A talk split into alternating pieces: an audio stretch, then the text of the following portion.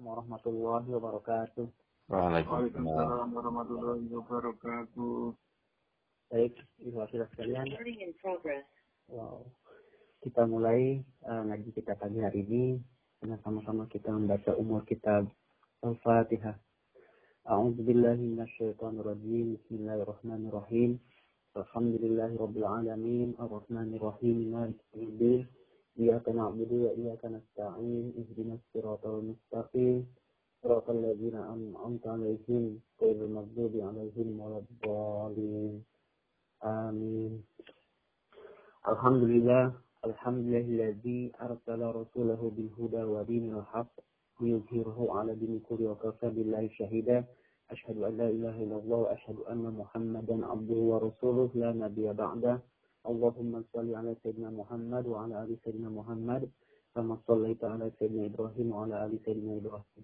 وبارك على سيدنا محمد وعلى ال سيدنا محمد كما باركت على سيدنا ابراهيم وعلى ال سيدنا ابراهيم في العالمين انك حميد مجيد teman-teman sekalian yang dirahmati Allah kita bersyukur pada Allah Allah memberikan kita kesempatan untuk uh, sama-sama ngaji bersama dan kita berkesempatan pula untuk sama-sama berbagi ilmu untuk mendekatkan diri kepada Allah Subhanahu wa taala mengenal lebih dalam agama ini Nabi membawa risalahnya dan kitab yang menjadi manhaj bagi seluruh muslim. Hari ini, teman-teman sekalian, kita akan berbicara tentang pilar pendidikan Rasulullah Shallallahu Alaihi Wasallam. Jadi kalau uh, kita uh, menyebut ya, kita sebut kata pendidikan, tentu ruang lingkupnya jangan hanya berpikir tentang bahwa ini adalah kita berbicara tentang sekolah-sekolah atau madrasah ya, atau bangunan-bangunan tentang bagaimana uh, Rasulullah mendidik gitu ya. Jadi bukan kita bukan batasannya terpatus pada kita bicara tentang sekolah-sekolah atau orang tua mungkin mengajar kepada anaknya ya uh, di rumah ya. Bukan itu saja, tetapi kita bicara tentang pilar pendidikan Rasulullah ini kita bicara tentang jahitan paling kuat yang merekatkan umat ini sehingga menjadi satu bangunan peradaban yang kokoh ya. Peradaban muslim yang kokoh karena tugas besar Rasulullah Shallallahu Alaihi Wasallam pelaku pendidik tentu bukan hanya membuat manusia sukses di akhirat, tetapi juga membuat orang kehidupan kita baik di dunia dan di akhirat. Ya. Mendapatkan hayatun toibah, kehidupan yang baik di muka bumi ini. Teman-teman sekalian yang dirahmati Allah, tidaknya kita, kita kita yakin bahwa Allah Subhanahu Wa Taala bahwa Allah mengutus Rasulullah ini sebagai manusia yang paling baik ya manusia terbaik yang pernah ada di muka bumi ini termasuk juga dalam urusan pendidikan termasuk juga dalam urusan mendidik ya. Rasulullah sebagai manusia terbaik ya, di semua aspek kehidupan termasuk juga dalam hal pendidikan atau dalam hal mendidik misalnya begini ya. Kalau ada seorang dosen misalkan atau seorang pengajar di perguruan tinggi ya mahasiswanya bilang oh ini dosen favorit ya. Dosen yang paling disenangi sama mahasiswanya ya, disukai ya karena metode mengajarnya atau cara pendekatannya atau bagaimana penyampaiannya ya. Tapi kalau si sang dosen ini disuruh ngajar di TPA gitu ya, atau di SD belum tentu bisa kan? Belum tentu mahir belum tentu sepandai beliau ini mengajar ketika di perguruan tinggi ya. Karena mungkin selama ini dosen itu kan berhubungan dengan uh, mahasiswa yang sudah dewasa ya sudah berpikir uh, berkembang gitu ya. Uh, sudah sudah punya wawasan yang luas ya. Kayak kalau selama ini dosen bersinggungan dengan orang-orang yang sudah seperti itu ya.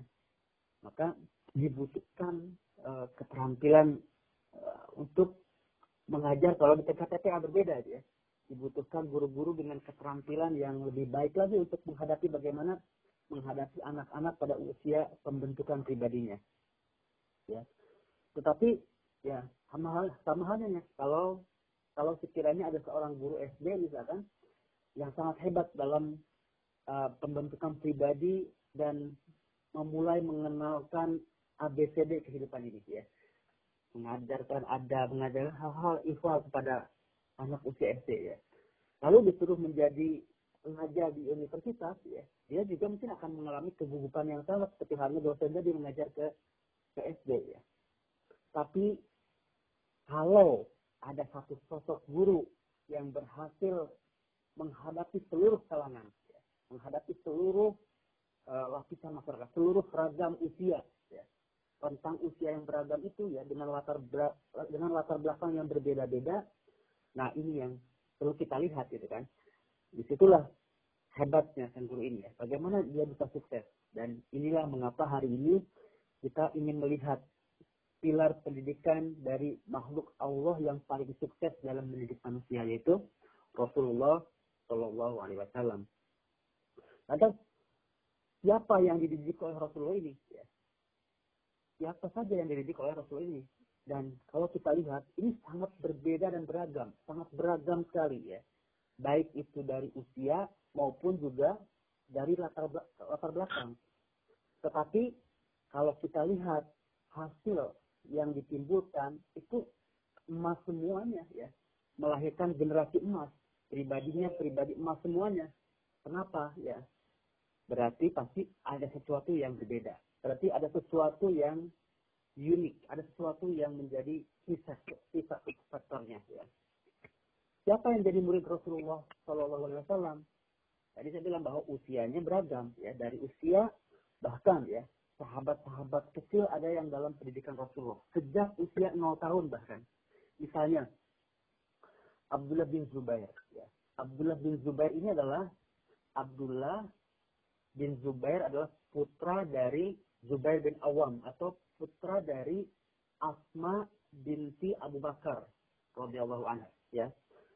Jadi karena Asma ini menikah dengan Zubair bin Awam. Jadi uh, ini cucu dari Abu Bakar berarti ya. Abdullah bin Zubair, waktu Nabi hijrah ke Madinah, Asma ini sedang hamil besar, teman-teman. Ya. Jadi terbayang juga nih kalau kita bayangkan dalam suatu sejarah ini ya. Asma ini sedang hamil besar dan beliau mengantarkan makanan dari rumahnya di Mekah, mengantarkan makanan bolak-balik ke Gua Sur. Ya. Kalau sekarang kita mesti ke Gua Sur sekali aja rasanya rasanya nggak mau ngulang lagi. Gitu. Dan ini dalam keadaan hamil besar 8 bulan. Ya. Sampai di Madinah, inilah kemudian bayi pertama yang lahir di Madinah dari orang-orang muhajirin. Itu adalah Abdullah bin Zubair. Dan kaum muslimin ketika lahirnya Abdullah bin Zubair ini sangat bahagia sekali teman-teman. Ya. Sangat senang, sangat bahagia sekali dengan kelahiran Abdullah bin Zubair. Karena apa? Karena orang Yahudi, ya ini nakal dan ini nggak ya, orang Yahudi. Orang Yahudi bikin hoax, ya, bikin menyebarkan berita hoax bahwa eh biarkan saja Muhammad dengan, sekarang dengan pengikutnya ya. Karena kita sudah kerahkan dukun-dukun untuk membuat pengikut-pengikut Muhammad ini semuanya mandul, tidak bisa punya keturunan, tidak punya anak. Jadi generasi ini, generasi ini akan berakhir sampai di sini saja. Itu yang di, yang di, yang dimunculkan ya, ketakutan ya, ya oleh orang Yahudi ya. Sehingga kemudian tiba-tiba Asma uh, ketika Asma lahir uh, melahirkan uh, putranya yaitu Abdul Zubair ya, dapat melahirkannya dan itu membantah sekali ya, membantah hoax yang disebarkan oleh orang-orang Yahudi di Madinah. Jadi uh, rentang usianya banyak ya. Begitupun juga sahabat-sahabat kecil yang lainnya seperti Abdullah bin Umar ya, Ibnu Umar, Abdullah bin Abbas, Ibnu Abbas. Masih masih kecil kan waktu itu ya waktu waktu masuk ke Madinah itu. Ada juga gulam. Gulam itu sebutan untuk rentang usia antara 9 sampai dengan 11 tahun ya anak-anak uh, usia usia uh, ini ya mungkin masuk SD kelas 4 sampai kelas 6 kali ya. Di, di, di, di situ seperti ada Ali bin Abi Thalib bisa ini termasuk tentang usia itu ya. Ya, Ali bin Abi Thalib ini ikut Nabi dari usia 8 tahun, kemudian masuk Islam di usia 10 tahun. Begitu juga sahabat yang lain, Zaid bin Harithah, putra angkat Rasulullah Shallallahu Alaihi Wasallam. Bukan gulam praga negara, ya? Bukan, gulam. Ya, gulam itu sebutan buat anak. Ya, anak rentang usia. Berarti mungkin itu ayahnya Kang Gulam ini ya terinspirasi dengan bahasa gulam. Ya. Baik, uh, itu ada yang rentang rentang uh, 10 10 tahun juga ada seperti Zaid bin Harithah ya. Uh, anak angkat Rasulullah yang masuk Islam baru usia 10 tahun. Begitu juga ada ada lagi murid murid Rasulullah yang masih usia remaja ya. Uh, lebih lebih tua sedikit dari Gulam, itu usia 15 tahun ya. Ada Tolha bin Ubaidillah 16 tahun ya. Ada ada lagi uh, Zubair bin Awam ketika masuk Islam 15 tahun ya. Toha 16 tahun. Sa'ad bin Abi Waqqas masuk Islam usia 17 tahun. Ada lagi yang anak muda yang lebih matang usianya ya. Usia 20 ke atas ya, 20-an, ya, 28 tahun. Itu ada Utsman bin Affan, ada Abdurrahman bin Auf usianya uh, 30 tahun. Umar bin Khattab juga ketika masuk Islam sekitar 27 tahun. Ya. Subhanallah ya. Juga ada yang seusia dengan Nabi. Ya, ada, seperti Abu Bakar As-Siddiq. Uh, bedanya hanya dua tahun setengah dengan Rasulullah. Lebih muda dua tahun setengah dari Rasulullah. Ada juga yang jauh lebih tua dibandingkan Nabi ya. Termasuk juga istri beliau yaitu Khadijah. Ya. Termasuk atau istri beliau yang lain yaitu Saudah setelah itu ya. Jadi ada ragam usia ya. Rentang usia yang sangat beragam masuk ke madrasah, masuk ke sekolah Rasulullah, masuk ke madrasah Rasulullah, masuk ke pesantren Rasulullah. Hasilnya luar biasa ya. Pasti ada sesuatu di situ. Apa saja ya. Yang yang lebih unik lagi tentu saja bukan hanya soal usia, Ya, tadi tentang juga latar belakang. Ya. Latar belakangnya juga berbeda-beda. Ada sosok sahabat seperti Amir bin Fuhairah dan Bilal bin Robah. Ya. Itu dari dari latar belakang budak. Ada lagi tokoh dari kaumnya seperti Umar bin Khattab radhiyallahu an. Ya. Ada lagi pengusaha ya seperti Abu Bakar As-Siddiq, Abdurrahman bin Auf, Utsman bin Affan gitu ya. Pasti ada sesuatu yang kuat di sini. Kita setidaknya mengumpulkan ada tiga pilar utama pendidikan Rasulullah Shallallahu Alaihi Wasallam. Yang pertama adalah menjadikan Allah sebagai pusat segala sesuatu, ya. berorientasi pada Allah. Yang kedua adalah mengenal hakikat dunia dan yang ketiga adalah kekuatan sebuah keteladanan, ya. kekuatan sebuah keteladanan. Teman-teman, ya kita ingin sukses mendidik siapa saja, ya apakah itu anak-anak kita, ya tim kita, keluarga besar kita, lingkungan kita, tentu ini adalah tanggung jawab kita semua. Maka kita harus melihat Rasulullah sebagai pendidik di sini. Kita akan lihat itu ya. Dan Nabi menempatkan dirinya sebagai seorang pendidik ya, itu dengan makna yang sangat dalam ya. Ini ada buah hadis kemarin waktu itu jadi ya, menarik sekali ya hadis riwayat Abu Dawud dan Ibnu Majah yang hadis ini diletakkan oleh para ulama hadis ya eh, di bab toharoh ya. Karena Nabi mengajarkan tata cara bersuci ya ada buang air eh, buang buang air besar ya ada ada ada berhajat ya. Makanya hadis ini juga jarang sekali diceritakan dalam kajian-kajian eh, sirah nabawiyah ya. Tapi juga oleh para ahli hadis juga jarang membacakan hadis ini secara utuh dari awal ya tapi menarik sekali jika kita baca ya dari awal ya. Uh, kurang lebih riwayatnya begini ya. An Abi Hurairah radhiyallahu anhu qala qala Rasulullah sallallahu alaihi wasallam innama ana lakum biman zilatil walidil wa'allimukum ya. Jadi hadis ini berbunyi ya, kedudukanku di tengah kalian seperti seorang ayah aku ajari kalian semua. Ya.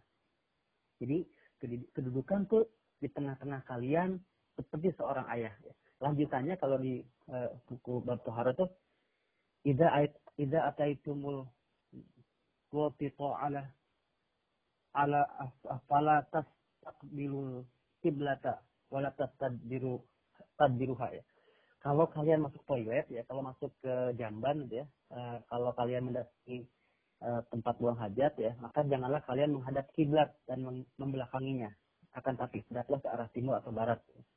Dan jangan bersuci dengan tangan kanan ya. Jangan uh, cebok dengan tangan kanan ya. Nah, uh, kajian yang saya ikuti seperti itu karena oleh oleh oleh ahli fikih ya hadis ini biasanya dibacakan mulai dari apabila kalian masuk kamar kecil maka jangan menghadap kiblat dan jangan membelakanginya mulai dari situ ya uh, penggalan awalnya ya penggalan awalnya uh, biasanya kalau nggak dibacakan ya. Tapi juga karena hadis ini akan di bab toharoh ya, juga jarang jarang pula dibahas oleh oleh ulama-ulama sejarah, ulama peradaban dan siroh uh, uh, membacakan hal ini ya. Tapi menarik itu ya bahwa Nabi memposisikan ya uh, sebagai seorang pendidik seba, memposisikan sebagai aku posisiku di tengah-tengah kalian seperti seorang ayah ya. Seperti seorang ayah teman-teman sekalian yang dirahmati Allah ya.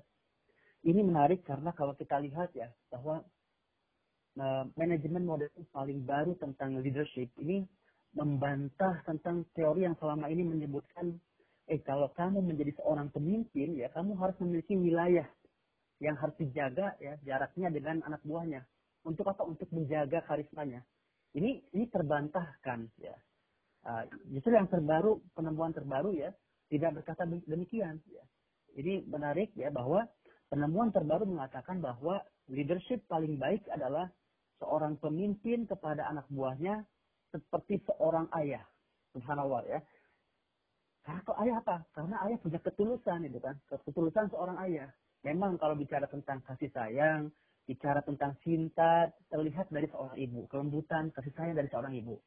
Tetapi kalau bicara tentang pengorbanan, ya, ketulusan, regenerasi, ya, uh, uh, ini ya suksesif ya suksesi regenerasi untuk menjadi anak yang lebih baik itu datang dari seorang ayah ya. Tidak ada seorang pun ayah di muka bumi ini yang iri kalau anaknya ketika, uh, ketika anaknya lebih sukses ketika anaknya lebih berprestasi dari dia ketika anaknya lebih kaya dari dia ya atau lebih sukses dari dia nggak ada ayah yang iri demikian ya jadi kalau kita bayangkan gitu ya anda bisa kita bayangkan kalau sekiranya di, di, di negeri kita, di Indonesia ini, punya hubungan antara presiden dengan rakyatnya, ya. seperti seorang ayah dengan anaknya. Cintanya begitu ya. Antara gubernur dengan rakyatnya demikian, seperti ayah dan anaknya. Atau antara kepala dinas dengan bawahnya seperti itu. Atau mungkin seperti di lingkungan kantornya, atasan dengan anak eh, dengan anak buahnya seperti seorang ayah dengan anaknya. Subhanallah ya. Dan ini luar biasa dan dan lebih luar biasanya lagi ya yang mengatakan ini adalah nabi ya posisiku seperti dengan kalian seperti seperti seorang ayah yang mengatakannya adalah seorang nabi dan kedudukanku di tengah-tengah kalian seperti seorang ayah adalah nabi yang mengatakan padahal nabi adalah nabi yang tidak pernah jangankan merasakan pendidikan seorang ayah bahkan merasakan pelukan dan senyuman manis dari seorang ayah pun Nabi tidak pernah merasakan itu. Subhanallah ya. Makanya kenapa mendidik anak yatim itu besar sekali pahalanya. E, kenapa bukan hanya sekedar materi ya, bukan bukan hanya perkara rupiah ya, itu mungkin bisa dicari ya. Tapi anak-anak yatim ya, orang-orang yang tumbuh tanpa ayah itu ya, biasanya pribadinya lebih keras biasanya gitu ya umumnya ya. Karena biasanya dia karena mungkin dia mencari mencari jati dirinya di luar ya dan ini ujian ya ujian besar bagi siapa pun yang punya amanah mengurus anak yatim dan uh, juga uh, disebutkan di dalam Al-Quran ya uh, dalam beberapa kajian saya ikuti di dalam Al-Quran Allah mencatat 17 dialog antara orang tua dengan ayah eh, antara orang tua dan, dengan anaknya 17 dialog antara orang tua dengan anaknya dari 17 dialog itu cuma dua antara ibu dan anaknya. Satu tidak dijelaskan dan 14 ya, 14 dialog ya. 14-nya adalah dialog antara ayah dan anak ya. Ini untuk menunjukkan apa? Untuk menunjukkan betapa besarnya pengaruh ayah dalam kehidupan ya.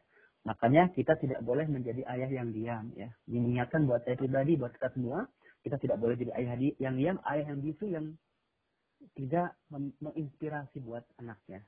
Kita uh, kita tidak uh, tidak harus ya kita apa namanya ada ada peran besar dari seorang ayah di situ ya. Seorang ayah kita harus bisa bisa bicara dengan anaknya ya yang menjadi mentoring anak kita ya yang melatih coach ya sekaligus coach bagi anak-anak kita. Jadi apa yang diharapkan dari generasi berikutnya yang kuat ya kalau komunikasinya antara ayah dan anak ini tidak baik. Subhanallah ya. Ini juga pelajaran bagaimana uh, dialog ya. Ini menarik antara dialog yang kita kita baca dalam kisahnya Nabi uh, Nabi Ibrahim dengan Nabi Ismail ya dalam surat As-Saffat ayat 30, 37 ya. Uh, falamma bala falamma balagha ma'ahu sya'ya ya maka tatkala anak itu sampai pada usia pada umur sanggup berusaha bersama ayahnya ya, bersama sama dengan Ibrahim. Jadi ingatlah ketika Ismail sampai pada usia diajak bekerja bersama ayahnya. Jadi Sebutnya enggak enggak bicara sebut uh, itu kan bayangan kita ketika Nabi Ismail sampai pada usia bisa diajak bekerja sama dengan ayahnya. Artinya kan sudah sudah besar ya. Jadi maksudnya kan Nabi Ismail ya, sudah sudah besar ya. Tapi tidak dikatakan Nabi dan ingatlah Al-Quran tidak mengatakannya dan ingatlah uh, tatkala Ismail sudah besar ya sudah beranjak dewasa tidak tidak berkata demikian tapi ingatlah ketika Ismail maka tatkala Ismail pada usia diajak bisa bekerja sama ya, bekerja bersama ayahnya ya. uh, ini menunjukkan bahwa semakin intens hubungan uh, dan interaksi antara seorang ayah dengan anaknya atau semakin sering seorang anak melakukan common activity atau aktivitas bersama dengan ayahnya itu semakin baik gitu ya. Atau uh, juga dalam uh, dalam ayat yang lain bahwa Nabi Ibrahim itu selalu melibatkan Nabi Ismail. Nabi Ibrahim selalu melibatkan, melibatkan Ismail termasuk dalam aktivitasnya, termasuk dalam proyek uh, pro, proyek mulia yaitu untuk meninggikan bangunan Ka'bah ya wa iz yarfa'u Ibrahimul qawa'idu minal bait ya. Uh, dan ingatlah ketika Ibrahim meninggikan atau membina dasar-dasar Baitullah bersama Ismail ya. Subhanallah ya dan uh, ini tentu buat para ayah artinya kita lebih berkebutuhan ya kita lebih berkepentingan untuk melihat bagaimana cara Rasulullah mendidik ya ketika uh, dia mengatakan bahwa Rasulullah mengatakan bahwa kedudukanku di tengah kalian seperti seorang ayah. Ya. Baik itu mendidik keluarga, mendidik bahkan juga dalam organisasi tentunya dalam dalam perusahaan pun juga demikian. Nah, apa yang yang key drivernya nih? Apa yang menarik di situ ya? Apa pilar-pilar itu ya yang yang menjadi pilar pendidikan Rasulullah ya? Dan hari ini ya tadi disebutkan bahwa ada tiga hal ya. Dan hari ini kita akan, mulai dari yang akhir tadi ya. Pilar uh, yang uh, pilar pendidikan Rasulullah adalah uh, tadi uh, orientasi kepada Allah, yang kedua mengenal hakikat kehidupan dunia dan yang ketiga adalah keteladanan. Kita akan mulai dari yang perihal keteladanan. Ya. Jadi pilar uh, pilar pendidikan Rasulullah Shallallahu Alaihi Wasallam adalah keteladanan. Ini besar sekali ya makna keteladanan ini luar biasa besar sekali ya teman-teman. Tentu kalau kalau kalau kita uh, dia mengajarkan siro, mengenalkan siro kepada anak-anak kita gitu ya. Tentu kalau kita sekedar membacakan siro nabawiyah gitu ya, ini ini kan gampang ya. Tapi tapi bagaimana uh, membawakannya untuk menjadi sebuah energi, menjadi sebuah inspirasi ya, uh, menjadi energi sehingga kita uh, kita uh, uh, mampu menghadapi apa pun ya peluang hari ini ya. Maka uh, maka kita harus melihat Rasulullah sebagai teladan gitu ya. Jadi esensi kita kita juga belajar sirah itu adalah bukan sekedar membacakan sejarahnya, tapi membawa menjadikan itu sebagai energi sehingga kita mampu menghadapi apa pun uh, yang kita hadapi dalam kehidupan ini, kita bercermin melihat Rasulullah sebagai teladan, sebagai kekuatan sebuah keteladanan. Itu yang yang yang menjadi challenge tantangan kita ketika kita uh, mengkaji sirah gitu ya. Uh, tentu setidaknya kalau kita lihat ya ada ayat beberapa tiga ayat tiga tiga uh, tiga ayat ataupun uh, nas yang mengisyaratkan mengisyaratkan tentang betapa uh, tepatnya Rasulullah ini menjadi teladan dalam kehidupan kita ini ya. Tentu yang pertama yang menjadi energi ayat energi sirah kita pernah pernah kaji juga ya.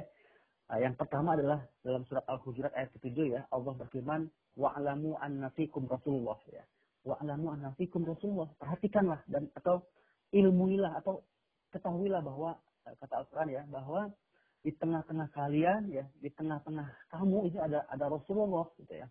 Apakah ayat ini berlaku cuma ketika Nabi masih hidup? Tentu tentu tidak ya. Jadi uh, ayat dalam Al-Qur'an ini kan uh, untuk panduan manusia hidup sampai dengan hari kiamat nanti itu ya.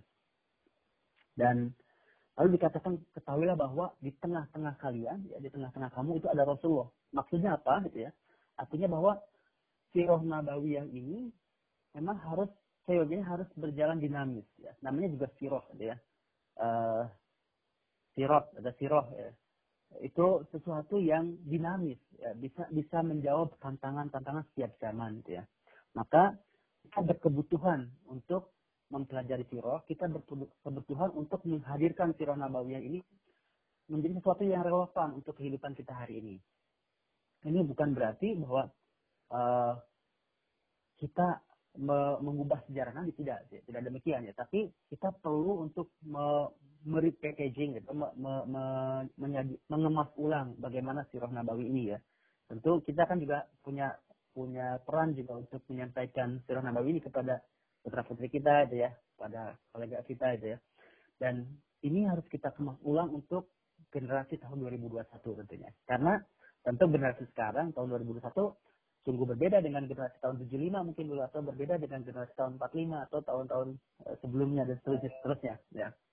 Ini sama seperti ilustrasi kita minum obat kali ya. Atau waktu dulu kita awal waktu masih kecil kan eh, kita dulu kalau panas gitu waktu masih kecil kita dikasih obat sama ibu kita kan. Uh, kadang kan ibu bikinin paracetamol gitu ya. Dibelah dua lalu dihancurin gitu ya di ditumbuk dihancurin ditaruh di sendok dikasih air hangat gitu. Terus lalu kita disuruh minum gitu. Dan kita nggak mau kan. Karena apa? Karena obatnya pahit gitu ya. Dan kita juga nggak tahu manfaatnya itu kan. Ilmu kita belum sampai ke situ gitu ya. Uh, obatnya pahit ya dan kita belum belum tahu itu manfaatnya.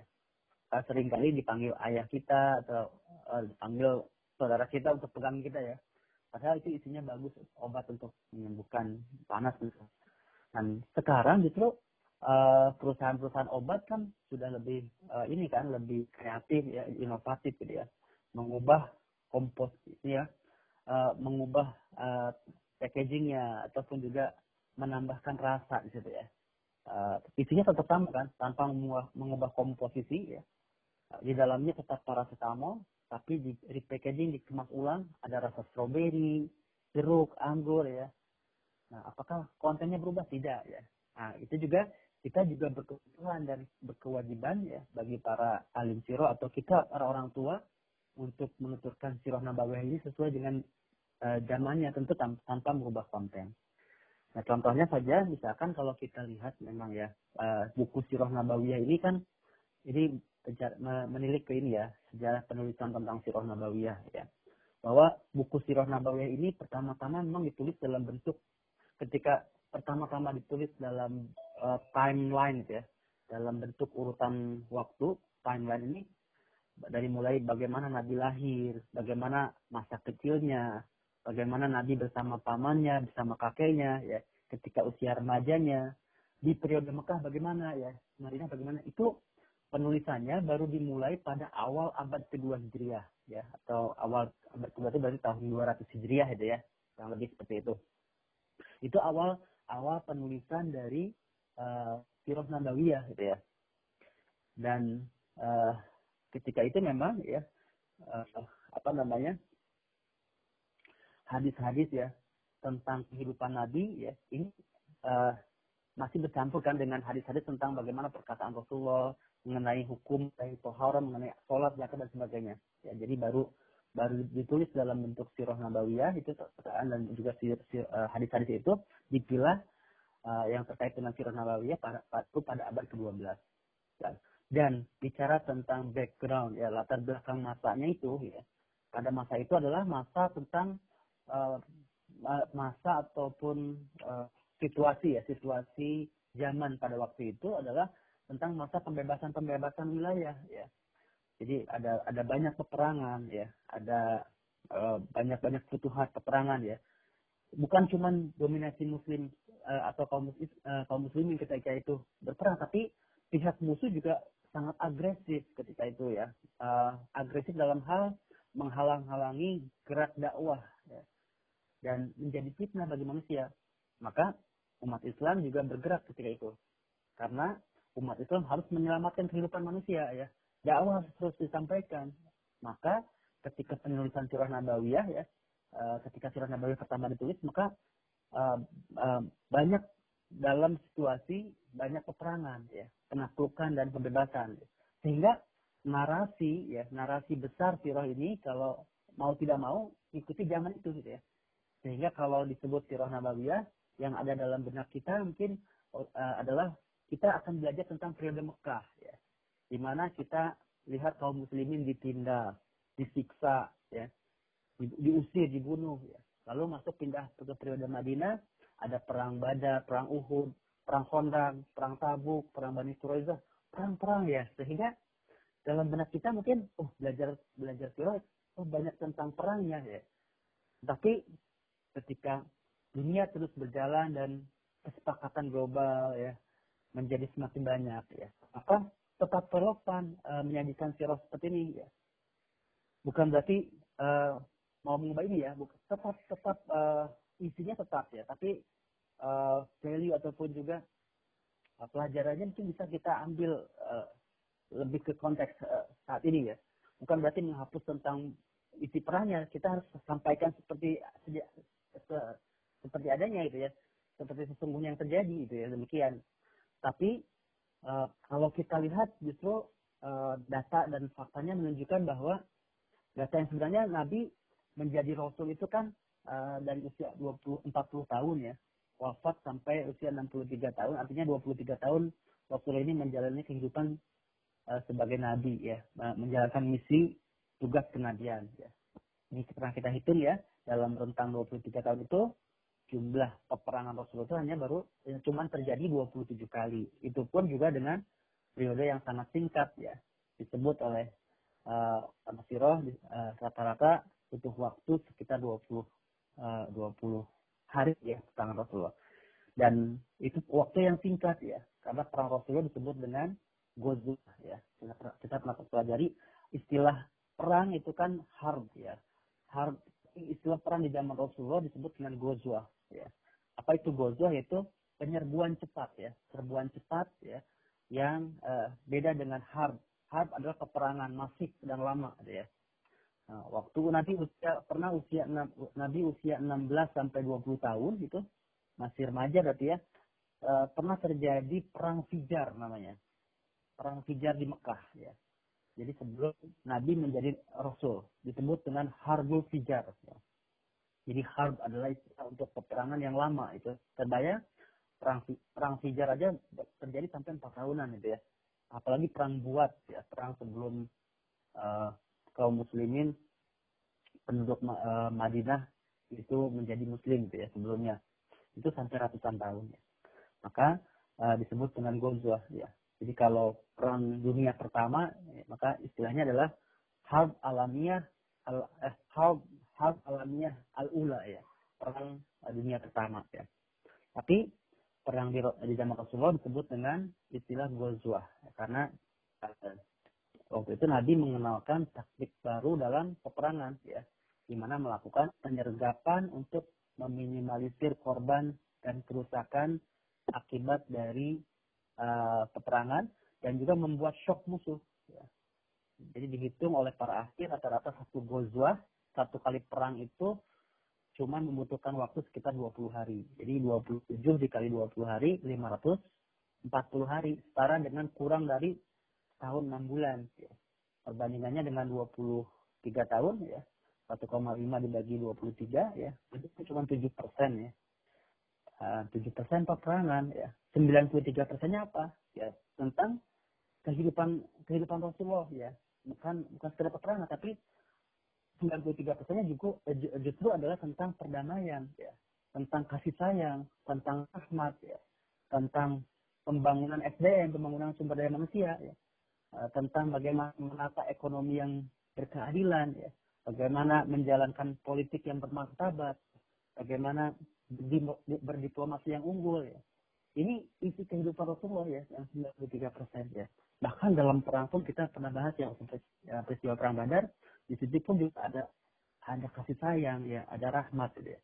Dan kita harus sampaikan ini ya biar biar apa? Biar eh, kita tahu bahwa di tengah-tengah kita ada Rasulullah ialah nafikum Rasulullah. Di tengah-tengah kamu ada Rasulullah. Jadi apa pun tantangan kehidupan kita apa pun yang kita hadapi hari ini ya kita akan dapati contohnya dalam kehidupan Rasulullah Shallallahu Alaihi Wasallam ya. Jadi kita punya problem apa pun pasti Rasulullah mencontohkannya gitu ya. Ada solusinya. Ya. Itulah uh, kekayaan kaum muslimin ya. Kita punya punya contoh ya, punya punya figur yang menjadi teladan ya. Nah, beda dengan di Arab misalnya sampai saking tidak punya contohnya mereka membuat animasi contoh apa pahlawan-pahlawan versi mereka itu ya. Karena atau karena Allah telah mendesain ya, uh, mendesain uh, seluruh kehidupan Rasulullah ini menjadi teladan ya.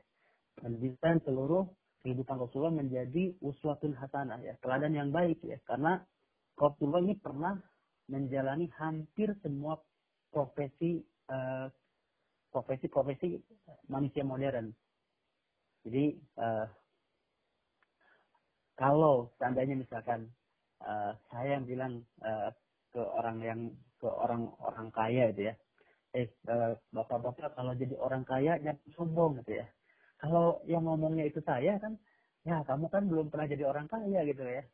Uh, right, right, rasain sendiri kalau udah jadi orang kaya tuh hidung tuh naik sendiri.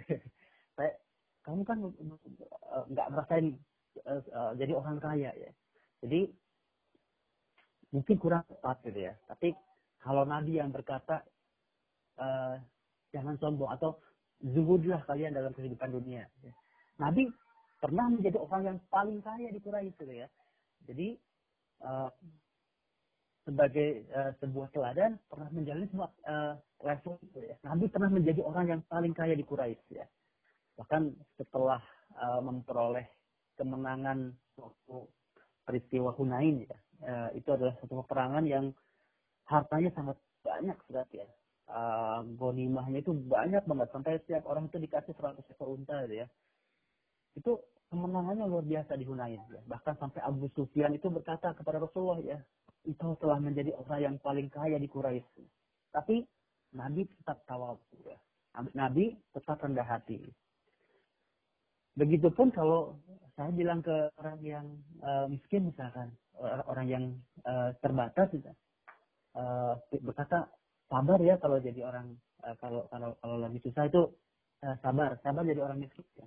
mungkin kalau orang yang mendengar seperti itu ah, kamu bisa aja oh, ngomong kayak gitu. Kamu kan nggak merasakan bagaimana nggak ketemu nasi nggak ketemu makan berhari-hari. Bagaimana begini dan begini itu ya.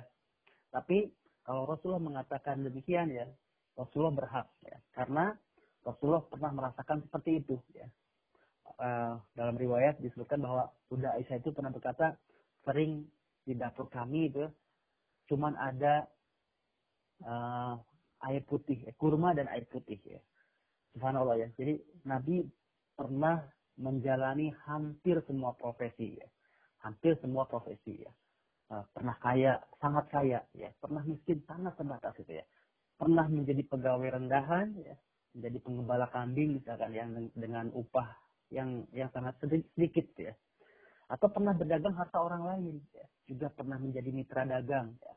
ketika sudah menikah dengan Khadijah bahkan pernah menjadi CEO gitu ya pernah menjadi menjalani business owner gitu ya ketika Khadijah menghibahkan seluruh kekayaannya kepada Rasulullah Shallallahu Alaihi Wasallam ya juga dalam profesi-profesi lain ya Rasulullah pernah menjadi seorang guru tentu Rasulullah ketika mengajar sahabat-sahabatnya, Rasulullah menjalankan profesi sebagai guru, uh, sebagai uh, guru. Begitupun sebagai seorang murid ya. Rasulullah pernah menjadi seorang murid ketika mendapatkan pengajar dari Jibril gitu ya. Menjalankan pernah menjadi seorang hakim ya, menjalankan memutuskan perkara yang sangat torik, sangat sangat ini ya, sangat uh, sulit ya. Bahkan hampir saja itu Quraisy uh, berdarah-darah itu kalau seandainya Rasulullah tidak memecahkan permasalahan mereka dengan bijak gitu ya. Ketika menjadi hakim untuk memutuskan perkara siapa yang harus siapa yang berhak untuk uh, mengembalikan hajar aswad ke, ke, uh, kepada tempatnya itu ya. Hampir saja semua orang mencelupkan tangannya ke darah gitu ya untuk tanda tanda perang gitu ya. Tapi kemudian Rasulullah memecahkan masalah itu. Itu di usia 35 tahun ya, belum menjadi nabi ya. Ketika uh, ada konflik tentang bagaimana mengembalikan hajar aswad kepada tempatnya. Ya, jadi aneka ragam uh, profesi ya, pernah menjadi ayah, menjadi kakek ya. Uh, semua ragam itu sudah sama uh, sudah uh, dijalani oleh Rasulullah. Jadi inilah uh, tentang keteladanan karena itu keteladannya sangat kuat di sana. Ya. Dan kalau kita lihat juga ya, uh, makanya sangat tepat konteks seperti yang uh, ditegaskan di dalam Al-Quran dalam surat Al-Ahzab ayat 21 ya laqad kunti rasulillahi uswatun hasanah ya. Memang uh, uh, keteladanan keteladanan yang baik itu ada di Rasulullah ya. Jadi sampai uh, kalau kita lihat uh, sampai ada satu uh, hadis yang disampaikan bahwa uh, sampaikanlah kepadaku ya walaupun satu ayat itu ya. Sampaikan dari aku walaupun satu ayat ya. Artinya jangan ada yang dirahasiakan ya. dari jangan ada yang dirahasia, dirahasiakan dari Rasulullah Shallallahu Alaihi Wasallam. Ini keren banget ya. Karena uh, kalau kita mengagumi seseorang ya kita kagumi akan seseorang. Semakin kita menyelami ya uh, mendalami hirup pikuk ya sampai detail kehidupan orang yang kita kagumi ya itu biasanya kita malah semakin berkurang kekaguman kita ya. Uh, karena semakin didal didalami makin uh, kelihatan aslinya ya kelihatan uh, boroknya misalkan. Itu tidak dengan Rasulullah ya. Semakin kita mengenal Rasulullah maka semakin kita akan terkagum-kagum akan kita akan uh, dapati ya bahwa Rasulullah adalah teladan terbaik dalam kehidupan kita itu ya Makanya ada ada sampai ada ya, syair uh, syair Arab ya yang mengatakan mengatakan bahwa membuat sesuatu itu uh, tetap indah ya uh, jangan janganlah kamu uh, mendekat dari lebih dari semestinya ya uh, supaya tidak hilang kekaguman karena uh, sering berjumpa. Bahkan juga uh, ada istilah juga di tengah-tengah kita ya kalau kita merantau itu jauh dari lingkungan kita itu akan tercium harum gitu ya.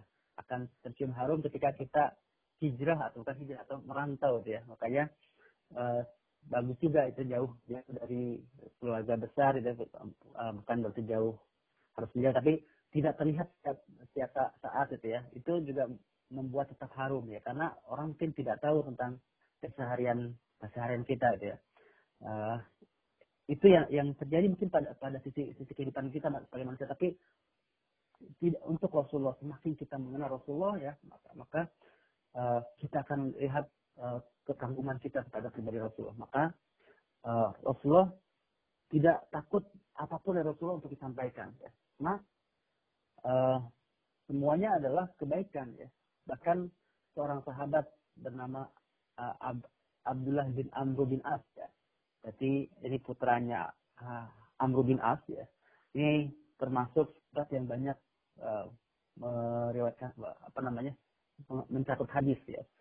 Bahkan lebih banyak dari Abu Hurairah satu ini ya riwayat. Karena Abu Hurairah menghafal kalau Abdullah bin Amr ini mencatat ya. Jadi Abdullah bin Amr bin As ini mencatat apa pun yang yang yang uh, dari Rasulullah itu ya.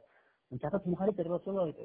Uh, jadi ini juga pencatatan hadis sudah berlaku di, di Rasulullah itu ya. Jadi mencatat apa pun ya uh, bahkan dia ditegur sama orang sama orang gitu ya uh, kamu mencatat uh, padahal Rasulullah itu juga manusia ada kalanya marah gitu ya ada ada kalanya sedih gitu. tapi uh, semua itu dicatat dan ketika disampaikan kepada Rasulullah itu ya uh, Rasulullah uh, uh, dalam riwayat disampaikan bahwa Rasulullah menunjukkan supaya catat semuanya ya tidak ada yang keluar dari sini ya menunjukkan sampai ke uh, menurut Rasulullah ya tidak ada yang keluar dari sini kecuali kebenaran. Jadi Rasulullah tidak takut untuk disampaikan semuanya itu. Dan karena yang dicontohkan Rasulullah adalah kebenaran ya. Nah, di, di lain sisi Nabi juga uh, tidak mau berlebih-lebihan dalam uh, dalam membesarkan uh, membesar-besarkan Nabi itu ya. Tidak mau berlebih-lebihan itu.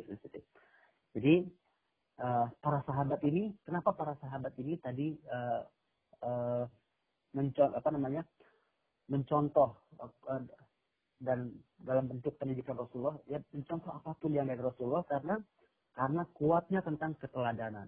Pernah satu kisah kisah pada peristiwa Hudaybiyah ya. Ini sahabat itu kecewa banget nih saat peristiwa Hudaybiyah karena mau umroh udah pakai kain ihram gitu ya, uh, udah kain ihram, udah berjalan jauh gitu ya sampai ke Hudaybiyah. Teman-teman mungkin kita sih mungkin ringan saja ketika mendengar cerita ini ya. Tapi kalau kita membayangkan dari Madinah ke Hudaybiyah itu kan berapa banyak perjalanannya kan? Perjalanannya panjang apalagi bukan pakai bis AC seperti saat ini kan.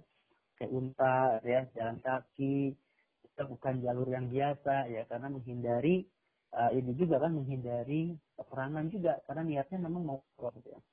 Tapi uh, pas sampai Hudaybiyah Hudaybiyah juga masih butuh waktu sampai ke Mekah kan ya tapi ini mungkin salah satu tempat mikot ya. Uh, sampai di sana kaum muslimin ternyata dicegat tidak boleh tidak boleh untuk uh, melakukan umroh di tahun itu gitu ya sama orang-orang Quraisy gitu ya.